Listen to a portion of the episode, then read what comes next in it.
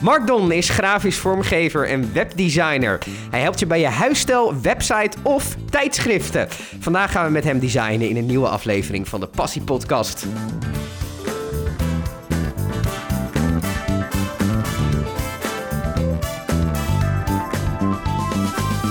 Mark, tof dat je er bent. Leuk om hier te zijn ook. Grafisch design. Ja. Wat, uh, waar, waarom ben je daarmee begonnen en wat maakt het zo leuk? Uh, ik ben in... Jeetje, dat is al meteen een heftige vraag op het begin. Heel goed. nee, ik ben in uh, 2003 denk ik begonnen met mijn studie. nou ja, vervolgens gestudeerd. vervolgens ben ik afgestudeerd grafische vormgeving. En vervolgens nog doorgestudeerd op de Junior Academy for Art Direction. Dus dat is wat meer het uh, art, art, directionele eh, kant van het verhaal, zeg maar. Mhm. Ehm, ja, eigenlijk de uh, gedachte van reclame. Mhm. En vervolgens eh, in 2013 voor mezelf begonnen als grafisch vormgever. Dus dat is een lange weg eigenlijk die je afgelegd hebt. Ja, maar volgens mij zei ik het niet goed. Want ik, volgens mij was het 2000 2005. Ik ah, denk, jaartallen, ja, precies. Het gaat, het gaat op vooral om het pad natuurlijk. Uiteraard, uiteraard. Ja. Ehm, maar je hebt dus wel ook besloten om je heel erg te gaan specialiseren in iets. Ja, ja, klopt inderdaad. Ja. Dat vind ik wel het, eh, het interessante van grafisch vormgeven. Ik was namelijk in het begin eh, was ik heel erg offline eh, gericht. En ik mhm. was, ja, ik was eigenlijk bang voor alle online ontwikkelingen. Mhm. Want ja, het, ik bedoel, ik was gewoon gewend om offline uitingen zoals posters, uh, nou ja, campagnes uh, die allemaal offline gerelateerd zijn, uh, om daarmee aan de slag te gaan. En ja, goed, toen kwam we natuurlijk online eraan. En ja, op een gegeven moment kreeg ik toch al het idee van, nou ja, goed, online, websites, ja, mm. daar zit ook gewoon wel heel veel, zijn heel, ja, maar ook heel veel mogelijkheden qua, qua design. En dat ben ik steeds leuker gaan vinden. En nu is het eigenlijk wel een beetje gekanteld naar juist het digitale. Dus dat mm -hmm. is wel uh, heel leuk dat je gewoon continu uh, daarin blijft ontwikkelen. En wat was in, in eerste instantie jouw aversie tegen online dan? Uh, nou, weet ik niet. Misschien dat, het, misschien dat ik gewoon vooral gewend was om offline te werken. Mm -hmm. um, en dan heb ik het wel... Ja, goed, ik, ik was net afgestudeerd, weet je wel. En Um, de opleiding grafisch vormgeven die ik voor de Junior Academie had gedaan, dat was vooral offline gerelateerd, zeg maar. Dus dat, dat ging heel erg. Uh, ja, dat, ja, ik was, wat dat betreft werd het best wel met de paplabel ingegoten. Mm -hmm. Dus, uh, dus ja, op die manier. Maar toen toch uiteindelijk steeds meer online. En ja, nu gaat het ook wel weer. Uh, nu, ja, nu ben ik bijvoorbeeld ook wel weer de afgelopen periode juist heel veel bezig geweest met video. Dus dat is ook wel weer iets, uh, gewoon weer een andere tak van... Gepakt. Ja, ja, precies. Je, je zei dat je een specialisatie had richting reclame? Ja, ja. En, en, en wat heb je daaraan gehad? Um, nou, het, eigenlijk is het, het begint vaak met een, een reclameuiting, begint vaak met een concept, mm -hmm. zeg maar. Dat je uh, echt het fundament van een reclame, uh, ja, dat, ja, het begint bij een idee, zeg maar, waar, waar, uh, waar al die uitingen uit moeten komen, zeg maar. Mm -hmm. uh, een, een, een, overkoepelend concept. Mm -hmm. En uh, nou ja, goed, op die manier, ja, dat is eigenlijk het fundament. Dus vanuit daar ga je dan verder met grafisch vormgeven, zeg maar, om dat, om dat idee verder uit te bouwen. In, via allerlei kanalen eigenlijk. Wat ik een, een heel interessante combinatie vind, en die zie ik in het werkveld, als we het over jouw werkveld hebben, vaak wel. Um, dat, er zit een soort van. Als grafisch designer ben je ook een soort kunstenaar. Ja. En kunstenaars hebben soms de neiging om iets heel ingewikkeld te willen maken. Omdat ze, nou ja, goed, dan ook kunnen laten zien wat ze allemaal kunnen. Wat natuurlijk ja. heel logisch is. Ja. Uh, aan de andere kant, als je die andere tak van sport, reclame, erbij pakt, moet het vaak juist heel simpel zijn om een brede doelgroep te kunnen Zeker. bereiken. Herken jij dat innerlijke conflict een beetje? Of? Ja, heel erg. Ja, het, um, uh, zeker nu met het online uh, gaat het ook heel erg juist richting de, nou ja, dat noemen we dan designs mm -hmm. eigenlijk. Dus dan baseer je je designs op data. Hè. je kan wel zeggen van, nou, ik vind een, ik, ik ga de allermooiste websites voor je maken. En ik denk dat voor, een, voor iemand die voor zichzelf uh, die gewoon een, een, een ZZP'er is die een website nodig heeft, kan dat een hele, ja, hele krachtige manier zijn om zichzelf te, te tonen bij, uh, bij zijn doelgroep. Maar op het moment dat het over grotere websites gaat met grotere doelgroepen. Um, en ja, dan is het gewoon ook wel goed om te kijken naar conversie. Naar hoe kun je zorgen dat je juist eh, ja, daar, daar de winst pakt voor het bedrijf. Want een Mhm. bedrijf is dan niet altijd gebaat bij een hele mooie website. zeg maar. Ja. En, dat is, en dat was inderdaad best wel een conflict wat ik had. Mhm. Ehm, maar ja, goed, ja, dat, op een gegeven moment groei je daar ook wel weer een beetje in. Dat je dan inderdaad kijkt, nou ja, oké, weet je, online is, vraagt ook wel weer andere dingen dan offline. Nou, ehm, toch heb ik altijd het idee, we hebben het nu heel lang over online gehad, eh, dat bij designers is toch het zo'n zo'n tijdschrift waar je doorheen kan bladeren en dat de meest, ja, je begint al te glimlachen, dus waarschijnlijk ben je Ja, met- wel- ja ik, ben dat, ik ben wat dat betreft een beetje een atypische designer. Want ik ben bijvoorbeeld heel slecht in tekenen. Zeg Ja. maar echt het tekenen vanuit... eh, vanuit de losse pols. Ja, precies. Dus ik doe wel alles digitaal, inderdaad. Ehm, maar goed, eh, ja, ik heb bijvoorbeeld wel thuis zo'n boekje met allerlei ideeën. Ja, en dat, is, dat ziet er dan echt de hel niet uit. ik denk dat ik de enige ben die die, die tekeningen snapt. Ja. Maar het gaat erom dat je dan wel die ideeën kan, kan, eh, kan verwerken eh, naar, ja, naar bepaalde designs. En dat is dan gewoon wel, wel digitaal, zeg maar. Waar moet een goed design aan voldoen? Ehm, nou ja, ik, ja, een goed design moet eh, vooral voldoen aan, eh, aan de vraag van de doelgroep. Mhm. Ehm, ik denk dat als je een. eh, als je iemand hebt, bijvoorbeeld een Het is heel belangrijk dat mijn klanten hun klanten ook weer kennen. Want op het moment dat, dat ik een design maak, maak ik dat niet per se voor mijn klant, maar vooral voor de doelgroep van mijn klant, zeg maar. Dus ik denk dat het belangrijkste is dat je gewoon kijkt naar ehm, ja, hoe ziet de doelgroep eruit. En in een, als, je, als je het echt puur hebt over design, dan vind ik hiërarchie ook wel heel belangrijk. Ehm, je gaf net aan van ja, weet je, designers willen altijd zoveel mogelijk laten zien eh, wat ze kunnen. Mhm. Dat is ook hartstikke goed. Maar tegelijkertijd ehm, moet je wel in je hoofd een soort hiërarchie hebben van oké, wat is het eerste wat over moet komen en eh, ehm, ja, en dat eigenlijk een beetje filteren en dan vervolgens ehm, ja, daar ontstaat dan eigenlijk een, een design-uiting uit. Ben jij meer een reclameman of meer een designer? Het zit er echt heel erg tussenin Ah. eigenlijk. Ja, ja, ja. Ik, ehm, ja, het zit er wel tussenin. Wat dat betreft denk ik wel dat het eh, mij in die zin ook wel weer eh, onderscheidt. Omdat ik ook wel weer juist kijk vanuit, eh, vanuit reclame, vanuit Mhm. communicatie, zeg maar.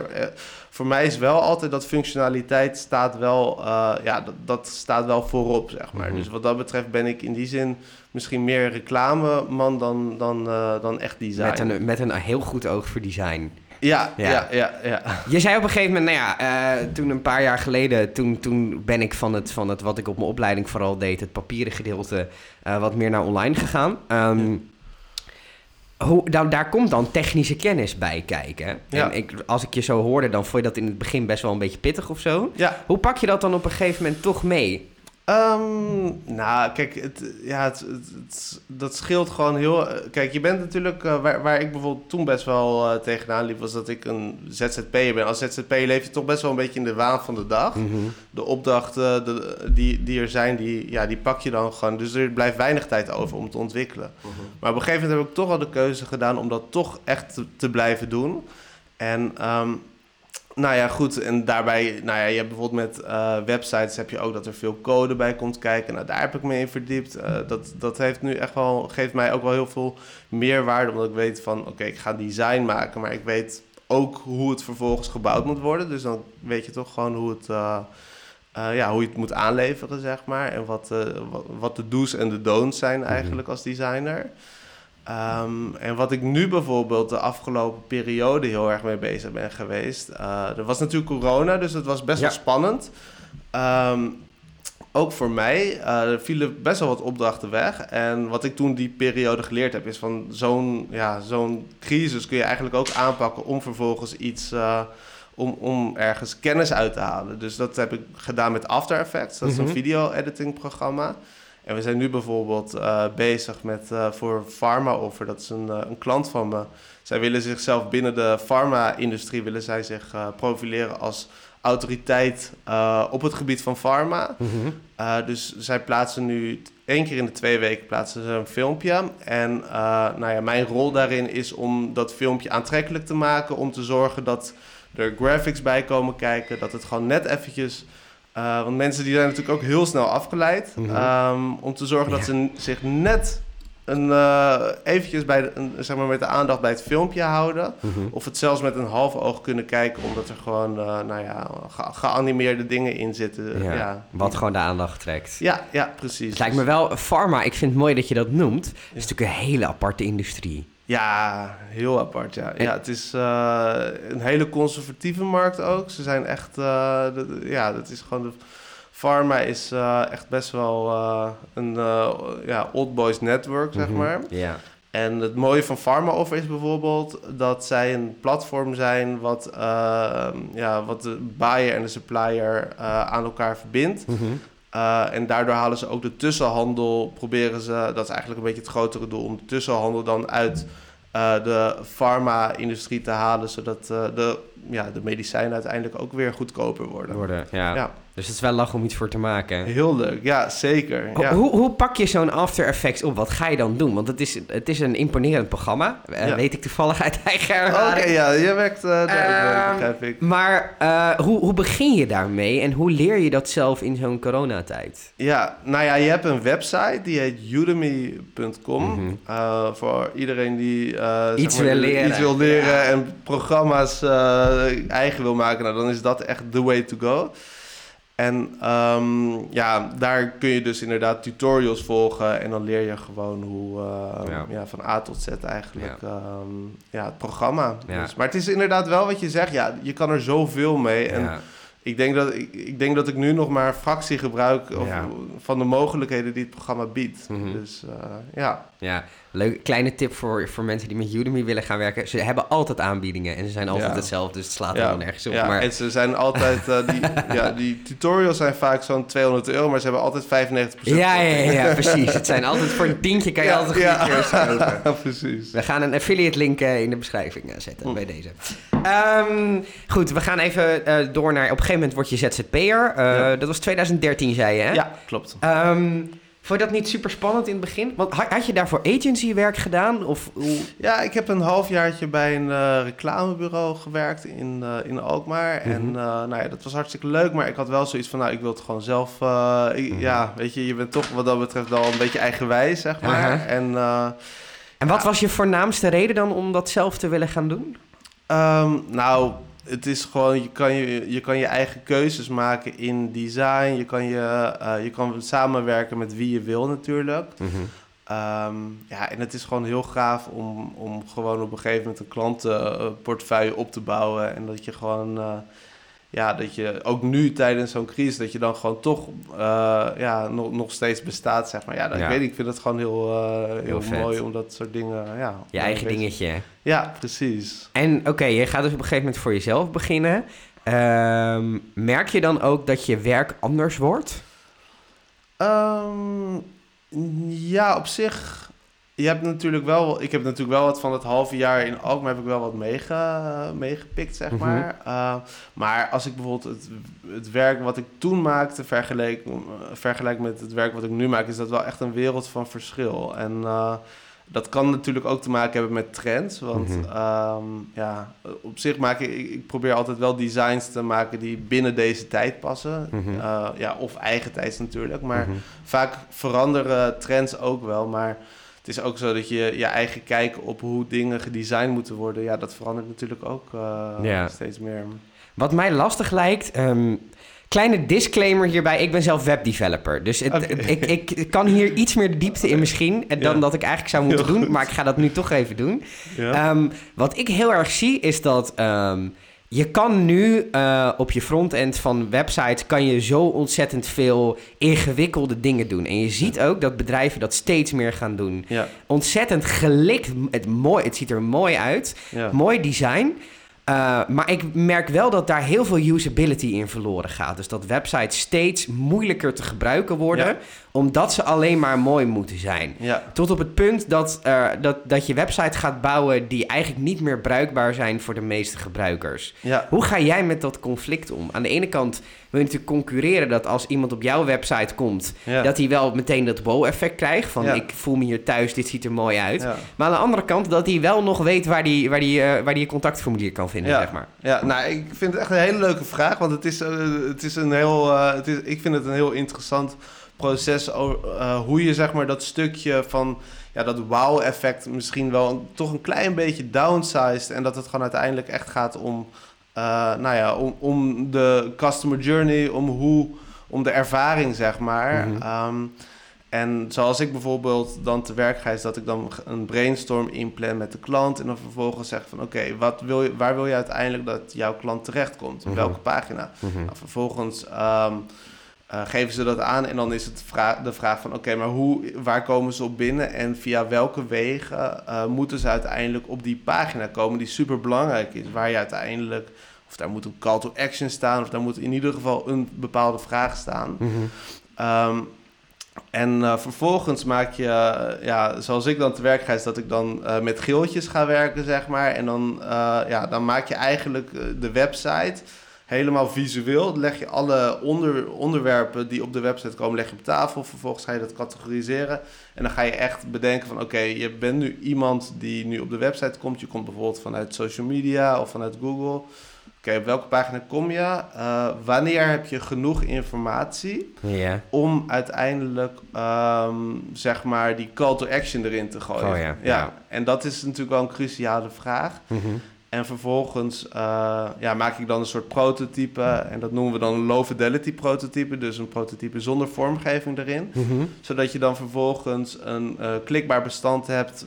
Waardoor mensen ook zelf die, die reis kunnen maken. Ja, en het, ja, het cruciale daarvan, om terug te komen op jouw vraag van... joh, hè, al die toeters en bellen die nu mhm. allemaal toegevoegd worden... Uh, zo'n low fidelity ontwerp, er zit geen vormgeving Dus dan gaat het puur om de structuur. En ik denk dat van, als je vanuit die hoedanigheid begint met het maken van een website... Ja, ja. Uh, ja, dan, dan zorg je er eigenlijk al voor dat, dat, dat, dat je bij, de, bij het fundament het al uh, goed oh, neerlegt. Zeg je vult eigenlijk het design in op basis van uh, de structuur, in plaats van dat je de structuur in het design probeert te plempen. Ja, precies. En daardoor zorg je ervoor dat het overzichtelijk blijft. Ja. Maar ik kan me ook voorstellen dat klanten die, die die, ik weet niet of jij dat doet, maar dat jij vraagt aan je klant: oké, welke website vind je mooi? Om een beetje een indruk te krijgen van, uh, van wat wil deze gebruiker. Ik kan me voorstellen dat die klant juist wel die website met die toeters en bellen aan jou laat zien. Ja, ja, precies. Ja, ik probeer daar altijd wel, uh, en dat kan ook hoor, want je kan natuurlijk ook, uh, je kan heel veel laten zien, je kan heel veel toeters en bellen, uh, maar het, het, ding is wel dat ik probeer mijn klanten voor te, be te behoeden om te zorgen dat het wel gewoon functioneel blijft. Dus mhm. dat je wel gewoon, ja, dat ze inderdaad um, voorbeelden laten zien. En die voorbeelden die neem ik zeker mee. En dat kan ook vaak gaan over de look and feel, de tone of mhm. voice. Um, maar wel in het achterhoofd van... oké, maar wat wil je uiteindelijk met je mhm. website? En het kan zijn dat iemand bijvoorbeeld zegt van... joh, ik, ben, ik, ik hoef niet per se een enorme conversie. Ik wil gewoon laten zien wie ik ben. Mooi visitekaartje. Een mooi visitekaartje. En verder... Uh, ja, kijk, dan, dan maakt het natuurlijk iets minder uit. En dan kunnen we gewoon helemaal losgaan ja. wat betreft. Ja, en dan kan het gewoon allemaal. Ja. Uh, hoe ga je ermee om dat uh, jij iets hebt gemaakt... Een, een element op een website die jij heel vet vindt... en de klant komt bij jou en die zegt... nou, ik zou dit toch liever wat anders willen zien. ja, ik vind dat wel ik ben eigenlijk altijd ook wel weer blij als uh, klanten heel kritisch zijn op mijn werk. Want mhm. uh, het is altijd een heel moeilijk proces natuurlijk. Uh, dat wat ik in mijn hoofd heb, dat hoeft niet te betekenen dat de klant dat mooi vindt of mm -hmm. dat, dat het aanslaat.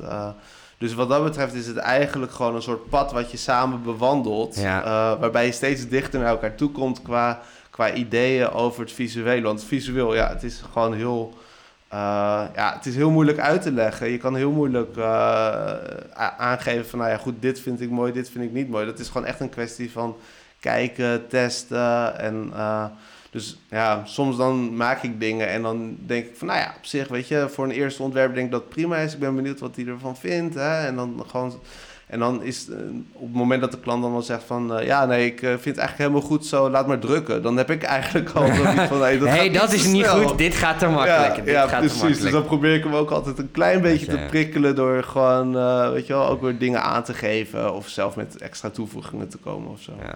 Um, door dit gesprek heb ik gehoord dat je graag dingen leert, nieuwe dingen leert. Zeker. Laatste vraag in deze podcast altijd, waar sta je over vijf jaar? En dan wil ik dus nog aan toevoegen, wat wil je nog leren? Oh jeetje. Um, nou, ik vind uh, video vind ik nog steeds wel heel interessant. Dus daar wil ik me echt verder in ontwikkelen.